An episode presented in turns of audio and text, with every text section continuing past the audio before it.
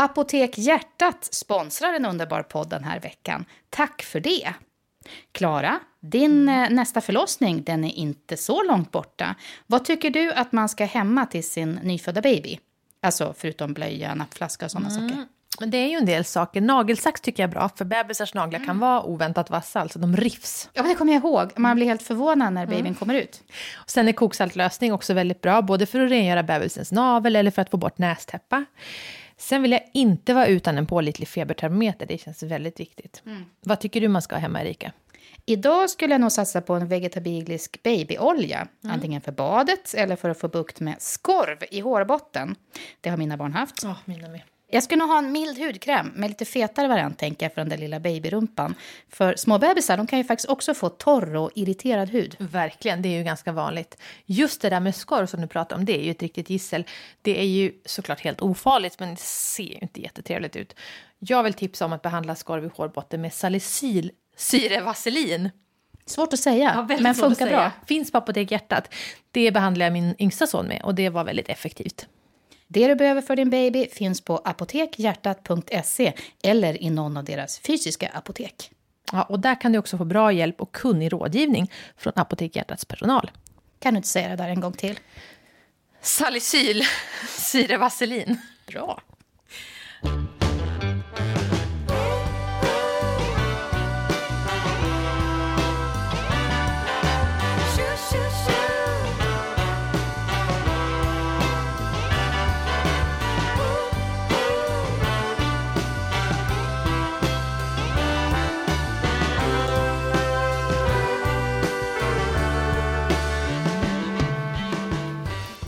Vem är det här nu då? Är det Isa när hon var liten eller? Ja, här är hon väl ett dygn gammal ungefär. Hur gammal var du när du fick Isa, Erika? 29. 29. Är det Ser på BB? där? Ja, det är på BB. Ser du med i en liten människa som är ett dygn som är helt ihoppressad. och ut... Utdraget långt huvud. Fruktansvärt. Så här, väldigt mycket svart hår. Ja. Vad ung Peter såg ut också. Och du! Du ser ut som att du är 14 år när du har fått Isa. Så kände jag inte då i alla fall, Nej. för 15 år sedan. det här tycker jag är roligt. Peter, eh, Isas pappa, och min man ligger och sover på en kudde tillsammans med henne. Hon är som en liten groda med små ben som sticker ut. Och så har vi inte märkt att... Eh, jag vet inte varför kudden ligger i en plastpåse är så, som han ligger och sover på. Det var så väldigt oskönt, men man märkte liksom inte sådana saker första tiden. men det är så speciellt vad kul att se de här bilderna för det är verkligen speciellt det här första tiden eh, på BB. Alltså första tiden, man ser det så här, man ser det så här hudlöst. Du är hudlös och det, är väldigt, alltså det blir väldigt ärliga fina bilder. Jag har tänkt på det, jag har tittat på mina BB-bilder också. Att ehm, ja, man har som ingen, inget skydd uppe. Men alltså, det finns ju flera bilder som jag har stoppat in bakom eh, de bilderna som syns. Jaha, Prosit. Varför har du det? Nej, jag tycker bara att de är så himla jobbiga att se. Nu blir det lite så här brösttjock. Är du Ja, det beredd? är lugnt. Ja, och det är den här bilden tycker jag är fruktansvärt oskön. Ja, men ser du inte på bröstet? Det ser ut som att det är en så mjölkförpackning instoppad under huden. Det är så himla mjölkstinna bröst och en stor kant där ovanför själva... Just det. Jo, men, men eh, det var en jättefin bild. Men jag vet, och jag tyckte, jag minns när jag var liten, mamma hade också såna här bilder på sitt bröst. Jättefint. Åh, jag, jag kan inte se de här bilderna. För det är för stora bröst, för att du tänker på hur ont du hade i... Nej, men jag tycker det ser så spänt ut. Så att jag måste titta bort. Jag minns också de här bröstbilderna från mammas album. Att jag tyckte de var otäcka liksom. Det är så enormt stora bröst och så ligger en liten bebis där och blir helt kvävd av bröstet. Men nu tycker jag att Som var du då? Som var jag då. Ja. Nu ska vi prata om eh, förlossning här idag. Gud vad jobbigt. Ja, men det är din idé. Jag vet. Jo, men grejen är att jag har fått många frågor på bloggen. Kan du inte göra en förlossningsberättelse? Jag har alltid känt bara fy vad tråkigt. Varför skulle jag vilja göra det? Och lite privat också. Men sen så var jag på min första träff med barnmorskan med min nuvarande graviditet. Och så frågade jag, det är samma barnmorska som jag haft i alla graviditeter. Och så frågade hon, hur gick, hur var din sista förlossning? Och då började jag gråta.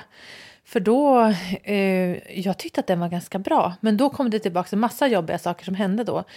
Och så blev jag jätteledsen och jättearg på jävla idioter som var med under förlossningen. Eh, och då tänkte jag, fan det här kanske jag måste prata om ändå. Vad är det som gjorde att du började gråta? Ja, men alltså...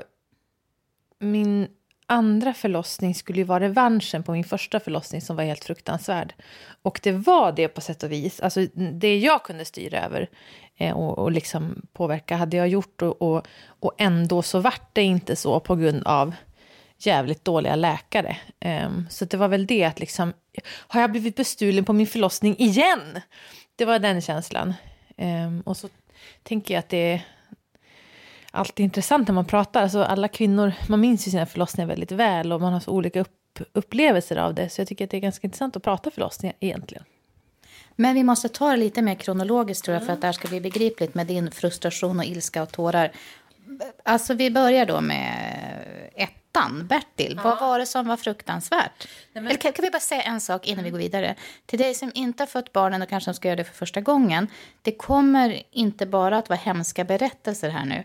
För det hatar jag med. Ja, När man själv ska föda barn så ska andra komma och berätta om hur hemskt det var. Det är ja. ungefär som man ska göra en operation så ska alla berätta hur dåligt det gick. Det gör man ju inte.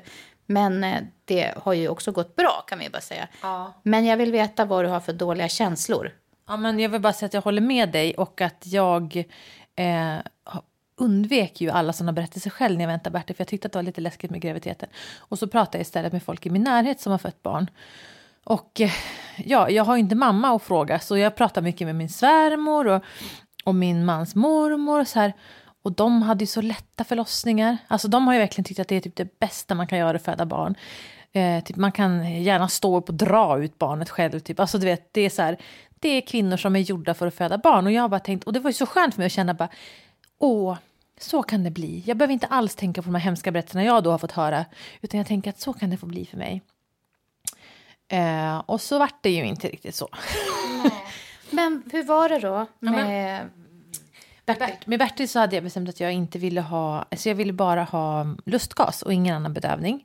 Eh, och sen så ville jag ha, använda profylaxandning. Och så hade jag gått då en profylaxkurs och tyckte att det här hade jag ju som kläm på. Men jag hade aldrig testat lustgas.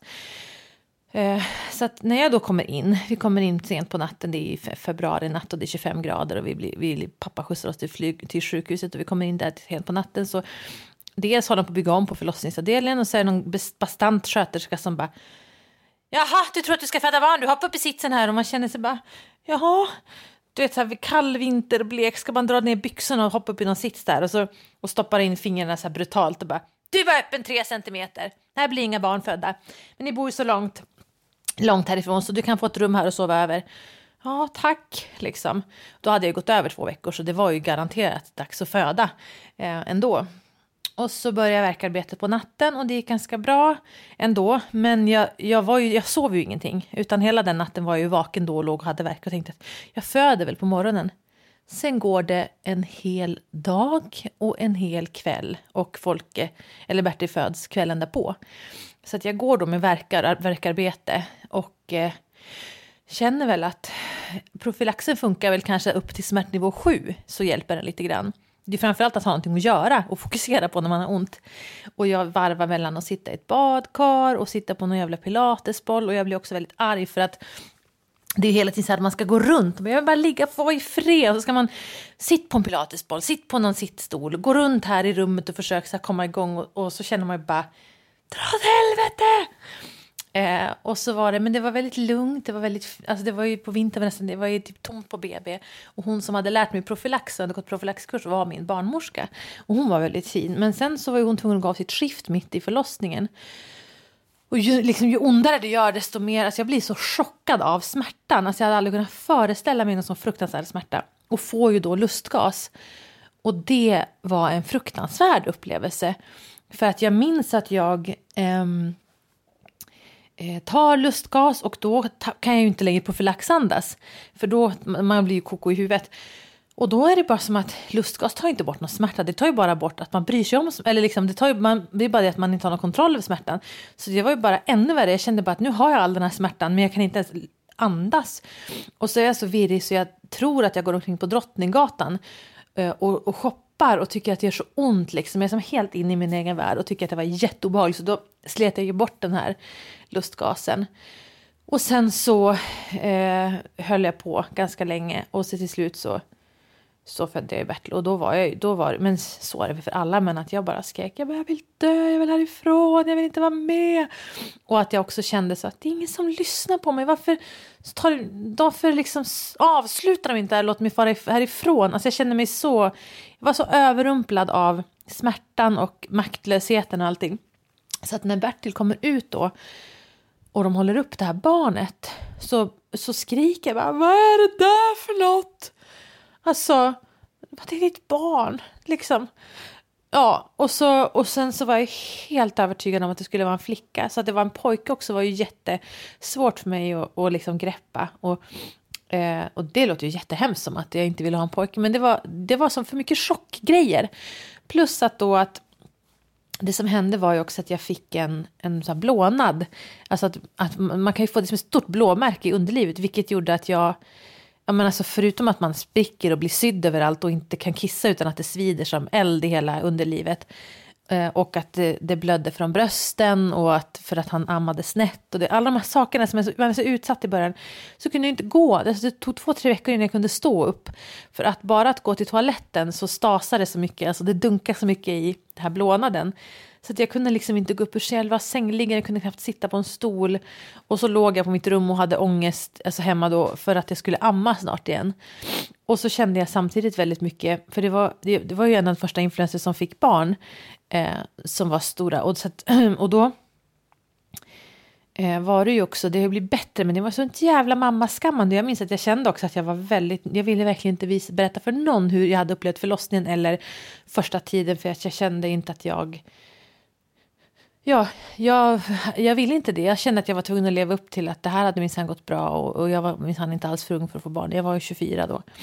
Så att, och så hade jag, jag hade ju min kompis Elina att fråga oss och min svärmor förstås väldigt mycket. Men annars så hade jag inte min mamma och kunna berätta, liksom du vet, alla de där sakerna. Så att efter den förlossningen så tog det ju väldigt många år innan jag blev sugen på barn igen. För att jag var så himla rädd. Ja. Jag tror aldrig i poddens historia det har varit så mycket du bara berättar själv. Ja. Jag tror, är det inte ganska ofta så? Inte sju, åtta minuter i rad. Okej, okay. det jag tänker när jag hör på det här mm. är ju att det är väldigt tydligt att eh, någon kanske skulle ha sagt, det kanske någon gjorde, att det kan ändå vara bra att överväga och fundera på att man kanske måste ha mer bedövning. Ja. För jag kommer ihåg att det var väldigt, eh, alltså där runt millennieskiftet. Jag födde ju strax efter det för mm. första mm. gången. Det var mycket så diskussioner om att det skulle vara naturlig förlossning och så. Det var ju jättebra. Men eh, det kan ju också bli så som du beskriver, att smärtan och särskilt när det har gått en lång tid, mm. alltså man håller på flera timmar och haft ganska ont länge, mm. att då gå in i ett, växla upp och gå upp i ett jättehögt smärt. Mm Eh, arbete, det är svårt. Och då kan, tycker jag att det är lite så här, men när det finns smärtlindring, varför ska vi inte ta det? Exakt. Men Erika, hur var din första förlossning? Det gick jättefort. Mm. alltså inne på BB gick det ju jättefort. Nej, jag hade ju... Jag födde ju två veckor för tidigt nästan första gången. Och jag var ju jättereumatisk då för att jag inte hade ätit någon medicin. För att det inte skulle skada barnet. Så jag var ju också inställd på, hade ju läst mammatidningen, hade ställt in mig på att ja, men man får ju räkna med att man går över första gången. Mm. Och sen så skulle jag ju också då gå in och eh, diskutera så här planerat kejsarsnitt eftersom jag var så himla dålig i lederna. Jag hade ju så halskrage i skumgummi och ja, men så lindor och grejer på handleder och fotled också tror jag. Var du typ sängliggande under din graviditet? Nej, det var jag inte. Det var egentligen efter som det var riktigt dåligt. Men alltså jag blir ju fort dålig i leder när man tar bort medicinen. Mm. Så det var jag ju. Jag var ju dålig så, men jag hade inte sängliggande. Just dagen innan jag skulle föda så var jag så glad och lyckades ta en promenad, kommer jag ihåg. Mm. Eh, och jag kände att det så spände ganska mycket runt magen. Men det hade det gjort ganska länge om man rörde mm. på sig. Mm. Och så hade vi bestämt att eh, vi på morgonen skulle åka och köpa vagn för min man jobbar mycket kvällar och alltså in på natten, kommer mm. mitt i natten. Mm. Och då hade han nu bestämt att han skulle ha en eh, sån här tio dagars periodledighet som ändå råkar ligga i schemat som kompensation för mycket nätter. Så skulle vi liksom fixa och dona och det blev ingenting med det. En kompis ringde till mig, Linda, eh, ringde och sa hej Erika, hur är det? Och då sa jag det är bra, jag tror att vattnet har gått så jag måste nog sluta nu. och sen gick jag och väckte Peter och då hade vi en sån här trådkorg. Du vet sån här ja. som man har inuti garderober. Det är sån här, heter det trådkorg? Ja. ja. Han kliver ju upp rakt i den där trådkorgen som jag vet inte varför den står där och han har jobbat eh, sena nätter, jättelånga pass. Så han är liksom inte beredd att vakna kanske så kvart över åtta till att det är så här, nu måste vi åka in till BB-läge. Han bara snurrade runt i den där trådkorgen, kommer jag ihåg. Och sen så tog vi oss iväg. Och så var det så himla lugnt och härligt tyckte jag. För jag hade ju varit beredd på att ja, men i Stockholm där blir det så att man kan måste åka till Visby eller till Uppsala eller till Nyköping eller var för olika platser. Så jag tyckte det var så oväntat lugnt när jag kom in. Mm. Uh, och så sa de så ja men uh, det märks ju att du har liksom tätt mellan verkarna, men det finns ont om plats. Åk hem ett tag och så tror jag att ni, det kan nog bli så att ni kanske måste komma tillbaka sent mm. på natten eller så. Vi får hem och så Peter gick på ICA Maxi för att han skulle köpa mat. Så jag kände så här, nu måste vi äta upp mm. mig här mm. så att jag ska orka den här mm. natten. Och medans han eh, bara går, ungefär 20 minuter senare, då får jag en sån ruskig verk så att jag tror att jag ska nypa sönder byrån med fingrarna. Mm. Var det krystverk eller vad var det? Nej, det var det inte. Men det var en sån här riktig superverk. Och sen så tog det väl kanske... Jag tror jag ringde honom då, så kom han hem. Och då, medan han ringer igen, vi måste komma in igen, det här funkar inte, vi kan inte vara hemma. Då spydde jag i tvättstället. Och då är man, när det kallas att man går förbi det som kallas för spinaltaggarna tror jag. Mm -hmm. Då är man, ja. Så vi hann i princip bara in igen. Och då var det när jag väl kom in, då var det bara så här på med sånt där bälte på magen och så lustgas. Och precis som du berättar så hör jag att du börjar med lustgas för sent. Mm. Mm. För det gjorde jag också. Jag låg bara och babblade om Mars attacks och sånt där. Så det var någon film som gick då tror jag. Ja med människor som hade jättestora huvuden. Jag vet inte hur jag tänkte. Jag, jag blev bara som så jättemycket på fyllan. Jag minns inte att det var så som du säger, att det inte hjälpte alls. Jag minns att det var mer som att allt vett och sans och smärta bara försvann. Men jag kunde inte heller hålla på så mycket med lustgas för att eh, eh det blev liksom ogrejdigt. Ja, ja men, det, men grejen är att jag tror att, jag tror, jag har tänkt på, jag har ju jag har ju druckit alkohol som jag pratade om på podden. Jag gjorde min alkoholdebut och sen har jag druckit alkohol en gång efter också för att testa. Var det verkligen sill? Och jag tycker verkligen att det är fruktansvärt obehagligt. Så jag vill ju inte dricka alkohol för jag tycker inte om kontrollförlusten. Och det var det jag upplevde med lustgas också. En, en kontrollförlust som gjorde mig jätterädd och inte alls var liksom jag kände inte igen den heller från att oh, jag vet hur det är att vara i ett rus och det är lite skönt. Utan jag kände bara, vad är det här? Nu håller jag också på att bli galen. Ja, jag förstår. Nej, men jag upplevde någon sorts bedövning. Men sen så var det så att jag hade ju planerat att ha epidural. Ja. Alltså när man får spruta mm. i ryggen. Eftersom jag ju hade fel på varenda jävla led. Ja. Men det var ju bara här att vi gick ifrån att vi skulle gå och planera ett kejsarsnitt. Det skulle vi ha gjort två dagar ef efter. Mm. Men eftersom Isa föddes så tidigt så hände ju aldrig det. Och det kan jag väl säga i efterhand tycka var bra. Så. För det gick jättebra och jag, det var på SÖS. Men du hann ingen epidural heller? Eller? Jo, det fick jag. Jo, gud, jag hade dubbel epidural. Allt, hela förlossningen var egentligen bara skitbra. Jag hörde ingen annan person. Jag tänkte, är jag ensam på hela den här förlossningen? Mm. Personalen var fantastisk. Efteråt så kom jag ihåg att alltså det gick, jag tror vi var inne i en och en halv timme. Mm. Men då så hade jag gjort massa, ja, men då hade jag gjort massa förlossningsarbete hemma. Jo. Men jag tror att det var det att jag var så extremt eh, smärtvan efter mm. att ha gått i med det här obehandlade reumatismen då. Mm. Så att jag, ja, jag menar inte, det är verkligen inte så att eh, ja, men eh, man får bara bita ihop med det så. För nu när man föder barn så är det inte sån smärta vi pratar om. Det är ju som en naturkraft mm. som tar över och föder barnet själv. Ja. Så upplevde jag det. Mm, verkligen. Ja. Eh, och, ja, Nej, men eh, jag har haft betydligt mindre smärta efteråt. Där jag har märkt att jag har haft svårt att hantera det. Så ska mm. jag säga. Men det var ju som inte att jag tänkte, åh vad, jag, vad bra det går att hantera smärta. Det var ju mer bara, det var, vi var ett bra team, jag och Peter då. Det funkar jättebra med personalen efter att kom in och med så cider och smörgåsar i, och det var så här champagneglas. Och, ah, det var så fint. Det är ju för sig, det håller jag med om. Den stunden är väldigt fin.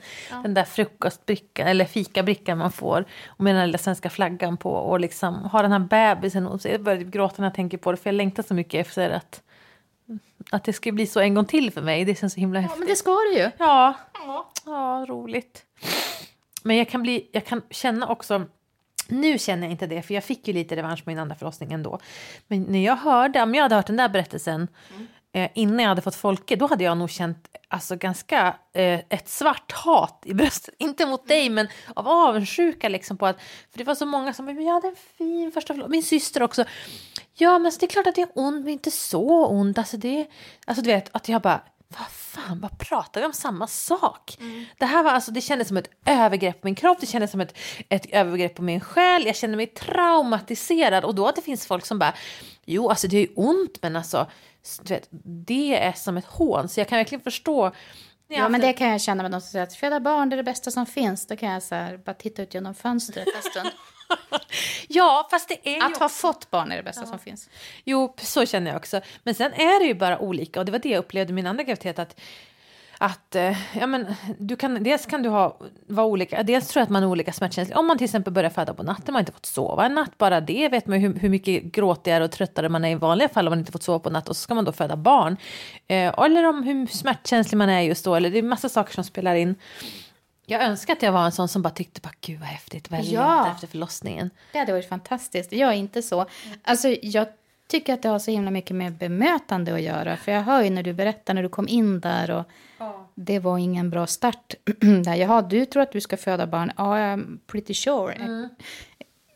Nej, men alltså BB, eller vad ska jag säga, förlossningen var jättebra för mig med mitt första barn. Sen blev ju tiden på alltså BB, det här med amningen, det var ju bara kaos. Det var helt fruktansvärt värdelös tid. Varför det då? Jo, därför att då fanns det en... eh, Det fanns ett projekt, tror jag, eh, där på det här sjukhuset där man hade bestämt att i princip alla barn skulle amma när de åkte därifrån. Det skulle vara så naturligt som möjligt. Och det var ju det att det funkade väldigt dåligt för mig. Jag hade ju lyckats amma Isa i princip direkt efter eh, jag hade fött henne, när vi satt med de här ciderglasen. Men sen så märkte jag fort att det blev någon spänd stämning kring det här med amningen. Eh, och det funkade inte. Isa var ju också två veckor tidigt, så hon hade inte jättelätt att fatta.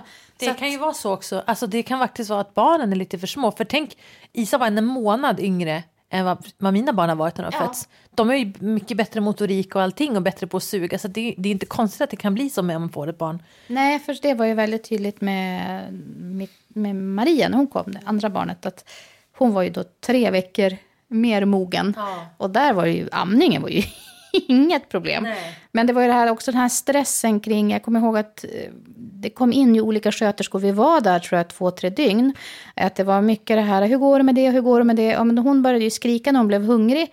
Och då jag, när jag, innan jag hade fått barn så trodde jag att Alltså bröstet funkade som en stråle rakt fram. Jag visste inte om att det liksom fanns massa små hål på bröstvårtan, små, så att det var som en stort sprinkelsystem. Så den där lilla munnen som ligger och skriker, den blir liksom, det sprutar ju in i näsan och ögonen och alla ställen i ansiktet på barnet. Och det är väldigt svårt att få ett så lite barn och bli nöjd då. Verkligen. Men eh, jag kommer ihåg sköterska. Åh gud, alltså dum berättelse. Men jag kan ju förstå att det blev så. För jag satt ju där bara med, ett- jag tyckte mina bröst var lika stora som, alltså det var som att jag hade tre huvuden. Det var bara det att två var bröst. Och jag såg typ inte ens bröstvårtan. där. Jag såg bara att det sprutade någonstans åt alla håll. Och så ska jag bara trycka in barnet mot det där olika strålsystemet. ja, men det var så. Ja. Jo, och då sa hon så här, ja, du som har den här typen av byst. Och så hade den en benämning. Så här, ja, då är det väldigt bra. Eh, om man rullar en liten handduk och lägger in under och så tog hon fram en liten handduk och började vika den och började rulla den. Och Isa bara... "Ah, ah, ah." Jag hade väldigt svårt att ta in de här instruktionerna för man får ju ångest när barnet skriker så mycket. Jag kände bara, men sluta prata om den jävla handduken, få det här att bli tyst och funka. Men det var det hon försökte, men jag hade inte den eh, lugnet i mig. Och sen så precis när hon skulle stoppa in den där rullade handduken, hon bara, ja nu ser du kanske att jag blir lite röd i ansiktet. Och det kan bli så i så här intima situationer. Eh, Och det är inget konstigt, för det är helt naturligt. Vi människor funkar så. Jag känner fortfarande bara, men stoppa in den där jävla handduken under tutten så det blir klart. Du börjar inte prata om att nu blir jag lite röd. Så på riktigt. Snacka om att göra dig obekväm då. Bara, är det något vad vill Nu blir jag lite, åh, lite röd här. Men det är helt normalt.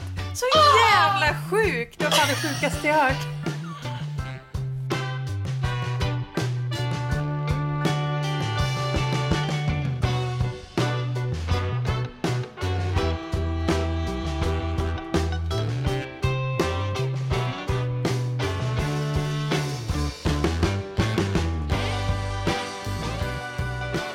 Ja, nej men som till, svar, till försvar till den här sköterskan så tror jag att det är något man ska säga.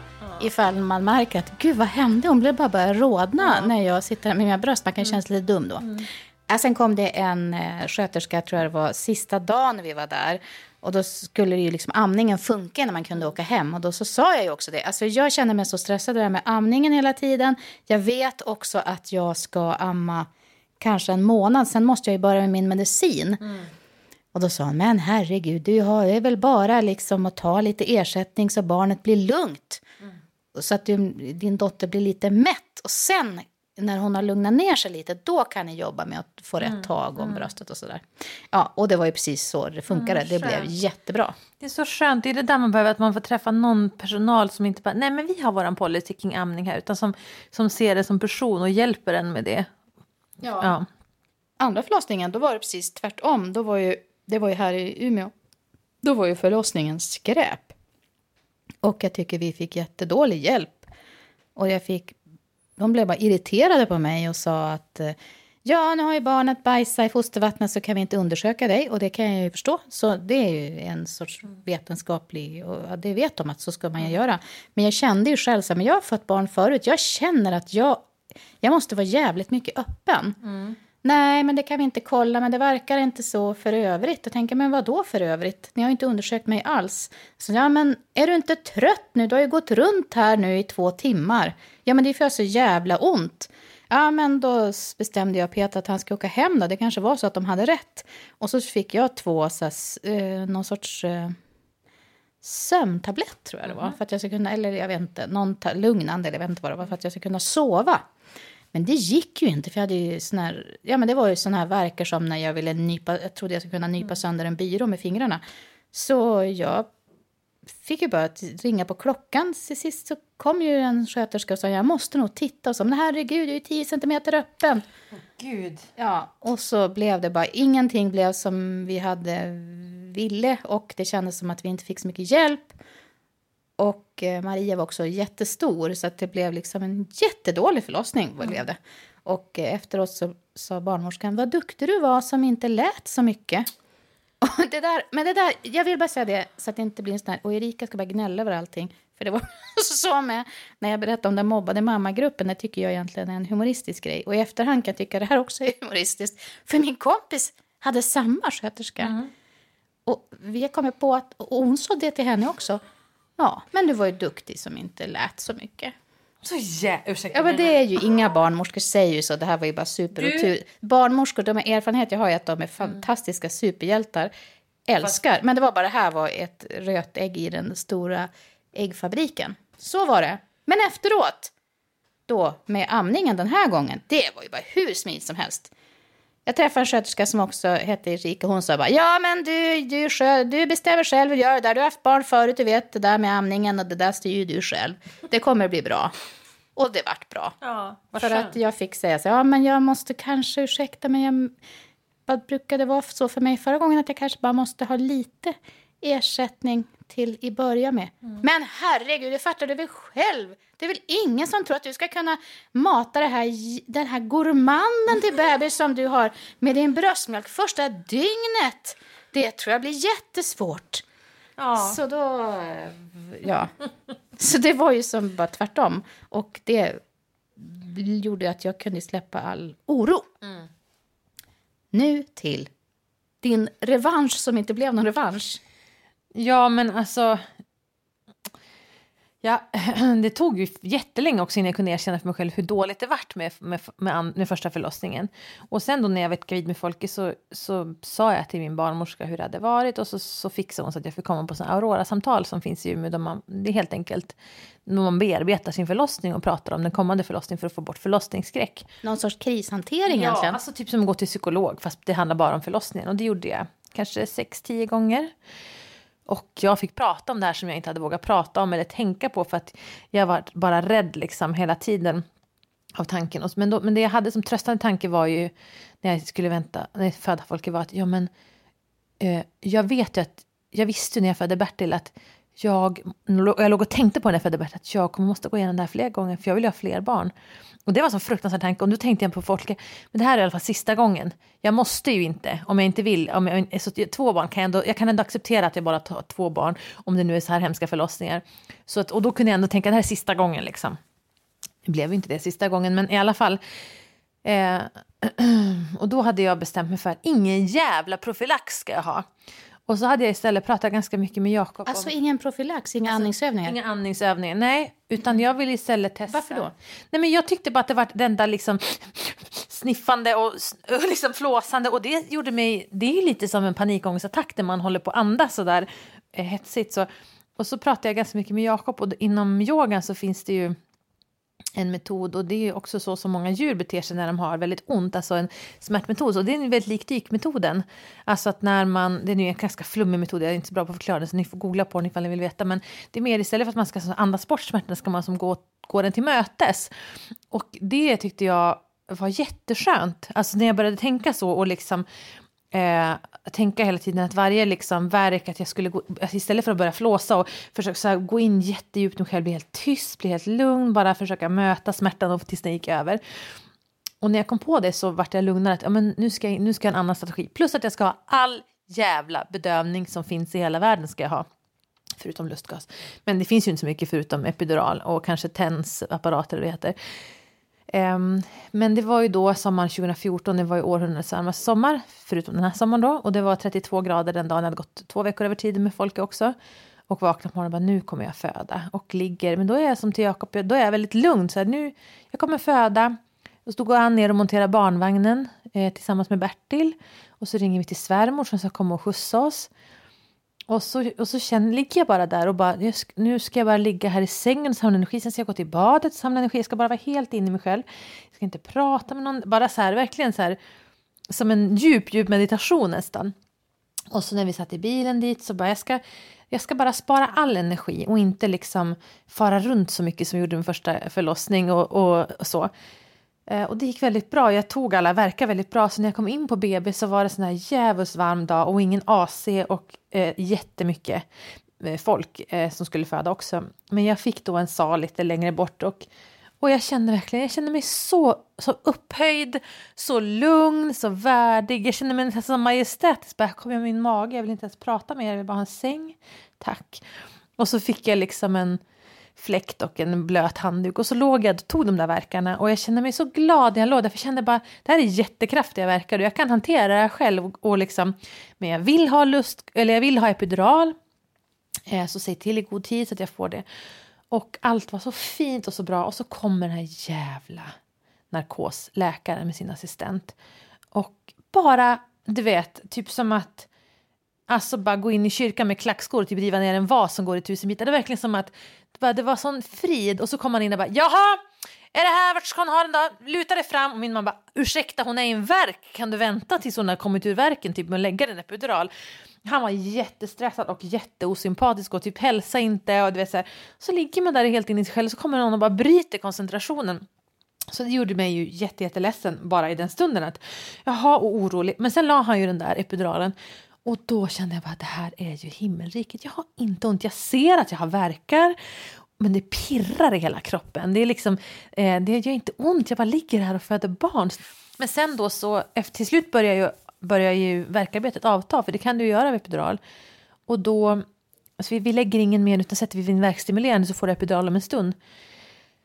Eh, och då börjar det göra jävligt ont och då så hann ju han aldrig komma för att eh, eh, han hade så många andra att vara hos så att jag fick ju ingen mer epidural. Så att jag födde ju fortfarande, alltså även Folke födde jag eh, obedövad.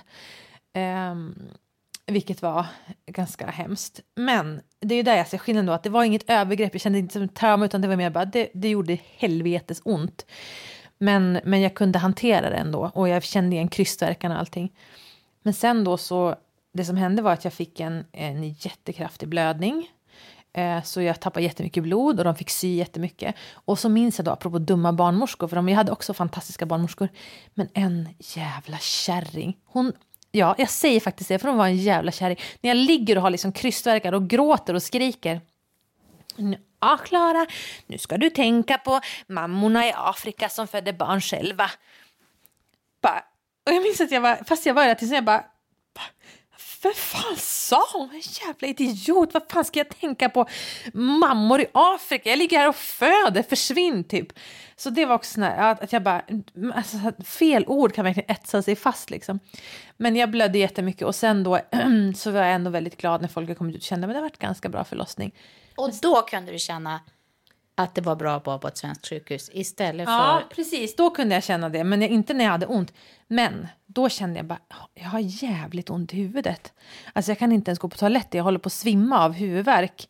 Ja, men det är bara för att du har legat i drag hela dagen med fläkt och blöt handduk på huvudet. Det är bara draget, ta en Alvedon.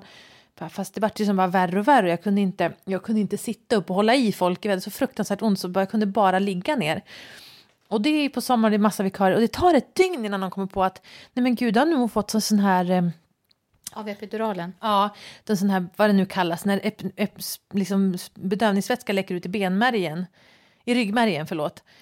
Och då kan man få alltså, sån här fruktansvärd migrän så man bara kan vara liggande. Och det tog liksom ett dygn innan någon eh, kom på det och då var jag ju helt förstörd. Hur ska jag, jag kan inte vara med folk, jag kan inte amma, jag kan inte sitta, jag kan inte äta. Jag kan bara ligga, bara ligga i ett svart rum, alltså min migrän.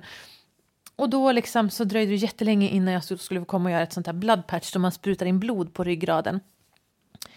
Och då så kommer de och det är ingen som liksom informerar mig. Nu ska vi rulla iväg henne och jag tänker liksom, nu, kan Jakob följa med eller så? Nej men det här går fort. Ja, men först rullar de ju runt med en jävla vagn där i typ 40 minuter på sjukhus innan de kommer till den avdelning de ska lägga den där bloodpatchen. Och ingen pratar med mig. Du vet, man är nyförlöst, det blö, man har liksom en nättrosa på sig med en stor binda i, det bara blöder, brösten bara sprutar, man har en sån här öppen skjorta, du vet, magen och allting bara hänger fram. Man är så jävla utelämnad, om man är smutsig i håret, om man luktar svett, om man har inte fått borsta tänderna. Och rullar de man kan säga att det inte är den mest civiliserade stund. Nej, och då behöver man ganska mycket liksom, eh, omvårdnad. Men det var här sköterskan rullar runt med upp på en avdelning. Och så kommer en dansk läkare och, och, han och de här sköterskorna de har liksom tänt skarp lampa i taket och står och slamrar vid huvudet på mig och flörtar med den här danska läkaren då. Och de... så, så ligger man där bara, jag ligger här helt utelämnad och ni berättar inte ens vad ni ska göra. Och så plötsligt bara sticker det till som helvete, för då ska de ju lägga den här bloodpatchen då. Och det gör ju ganska ont. Eh, och det är också, det är inte bara ett, det är inget här jättestandardingrepp, utan det kan vara ändå förenat med viss risk. Och jag minns att jag var så ledsen och utelämnad och så ont i huvudet och ingen som bara, vill du ha en Alvedon, vill du ha något att dricka? Och jag kunde inte ens prata för jag hade så ont. Och så låg jag där och det tog ju flera timmar på den där avdelningen. Och jag bara liksom låg och vågade inte ens gråta för att jag kände bara jag var så utelämnad. Och, och så till slut liksom, då sitter de sitter i, i, som på några stolar bredvid, sitter och pratar och skrattar och fyller i formulär och, och liksom som att jag vore typ nedsövd. Till slut kommer det, och ser jag bara händerna på en väldigt stor, väldigt mörk man med jättemycket hår på händerna. som bröt, det. han kanske var från Iran eller någonting. Men lilla gumman, ligger du här? Hur går det? Och så strök han på kinden och så ska jag släcka i taket. Ja, du ska känna, alltså så här, precis som en mamma typ. Jag började gråta, jag tänker bara det var så fint för att han, ja men precis det där som man ville höra från vårdpersonal. Men lilla vän, här kan du ju inte ligga. Jag ska släcka åt dig. Behöver du en filt? Ska jag hämta en, hämta en Alvedon till henne? Ser väl att hon har ont, du vet. Alltså, och det, det räddade ju upp allting. Ja. Så det var det jag började tänka på när min barnmorska frågade hur gick din sista förlossning? Jag bara, jo men den gick bra. Och så vart jag så jävla arg. När jag kom på det här liksom. Nu får du vänta lite för jag måste gå och hämta näsduk till ja. dig. Ja, kan du hålla? Mm.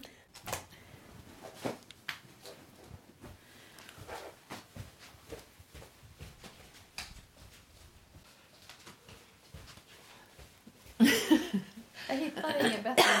Toapapper går också bra.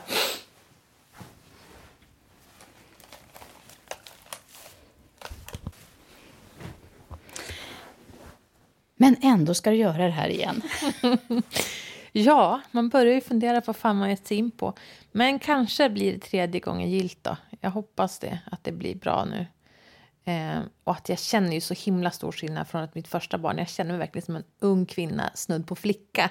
Eh, och väldigt utsatt hela tiden. Men nu känner jag bara, men alltså, ingen jävla skit nu. Jag har faktiskt en åttaåring hemma. Nu får ni bete er liksom. Jag är en vuxen kvinna, jag vet vad jag ska ha. Typ. Så känner jag mig nu. Och det är en ganska bra inställning att gå in med i förlossningen. För att bli bättre behandlad, hoppas jag. Ja, men det är klart det. Du, bara mellan ett och två så hade du ju lärt dig det här att hur du skulle göra den här dykmetoden och ta verkar. Du har ju ändå testat några saker som funkar. Och du vet att eh, lustgas var kanske inte din grej. Men jag tror på riktigt att om du börjar använda lite tidigare, eh, inte just när du är liksom i det här flåssmärta, om man börjar pröva lite tidigare så kan det gå mycket bättre. Mm. Om jag kanske ska testa det. Men du har ju också, eh, det har ju inte alla som ska föda barn.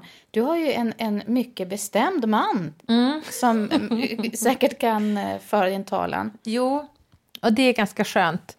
Att plus att han också ehm, eh, kan ju ganska mycket om anatomi och eftersom han är sjukgymnast och jobbat liksom med kroppar hela sitt liv så eh, känns det som att han har ganska mycket insyn i, eh, hur, i alla delar av förlossningen och alla sånt. Det känns ganska tryggt att ha honom med sig. Jag tänker på, men när du säger lustgas, en kompis till mig berättade att när hon tog lustgas till sin förlossning så hade hon legat i sängen och skrikit Du måste sjunga! till sin man. Vad ska jag sjunga? You gotta fight do it for your right to party! Gjorde han det då? Ja, han var tvungen. Han var ju jättearg. Det kanske... Men jag trodde du skulle berätta om när Jakob prövade eh, att både, hur var det, han, han prövade både pilatesboll och lustgas samtidigt. Ja, när jag var på såna här Aurora-samtal så sista gången fick man ju gå till förlossningen då med sin man och eh, liksom kolla vart man skulle föda barn. Och det var ju bra, det var exakt samma rum jag sen födde barn i. Och titta på allt och testa lustgas igen. Och då, jag har ju aldrig sett min man berusad typ. Alltså han är väldigt, en väldigt kontrollerad person som knappt dricker något. Men även när han gör det skulle han inte bli berusad. Men då tar han liksom ett, sätter sig på pilatesbollen, tar ett andetag från lustgasen och så bara lägger han sig på sängen och vi bara Jakob, Jakob. Öre. Och sen så fick jag köra hem honom i bilen för han kunde typ inte tänka klart. Utifrån den berättelsen kan det kanske ändå kännas som att ni har en, en, rätt fördelning, att det är du som föder barnen. Ja. ja, faktiskt.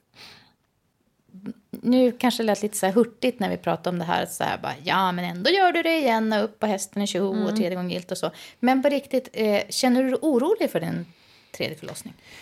Lite är man ju det. Jag tänker inte på att det känns roligt, men det är ju den förlossning jag sett fram emot mest hittills. Också för att jag tänker att det är, man vet ju ännu mer nu vad man ska få sen efteråt. Och min kompis eh, Anna Ileby, som Anna ritar på Instagram, som är ganska, säkert en välkänd profil för många, födde ju barn alldeles nyligen. Och då kände jag också att jag fick ett sånt hugg i liksom magen, av- eller av längtan, liksom, att jag bara Gud vad mysigt att du är på BB nu och har en, liksom, håller på att klämma ut din bebis. Och då tänkte jag att det är ju ett friskhetstecken. Eller liksom att jag känner så. I början när barnen kommer ut så är de ju, de klarar ju just ingenting. Nej. Eh, Ibland och amma och så. De andas och sådär. Men det är ju en, som du säger, en väldigt, väldigt, väldigt speciell tid. Men jädrar vad kort den är. Ja. Tänkte jag. För om du tar upp det albumet som vi började med igen. Eh, då hade vi de bilderna på Isa i början. Och så här, kolla, det här är hon typ fyra månader. Då ser hon ut, ja var var det nu då? Så här. Fruktansvärt söt. Det här leendet. Ja, Herregud. det har man blivit så här knubbig och stjärnögd och klämt några flaskor välling. Ja, och liksom ganska bröst. kompetent ser man. Man ser att det är en ganska kompetent bebis. Ja, men Den kan både äta och skratta och, och jollra. Ja, man ser också i den här blicken att den här personen har ju fattat humor. Den spottar Ja. ut nappen bara för att få skratta åt någon förälder som töntar som springer runt och säger titt ut. Ja, faktiskt. Fruktansvärt gulligt. Ja, det här är ju en målbild. Oj, oj, oj. Så söt.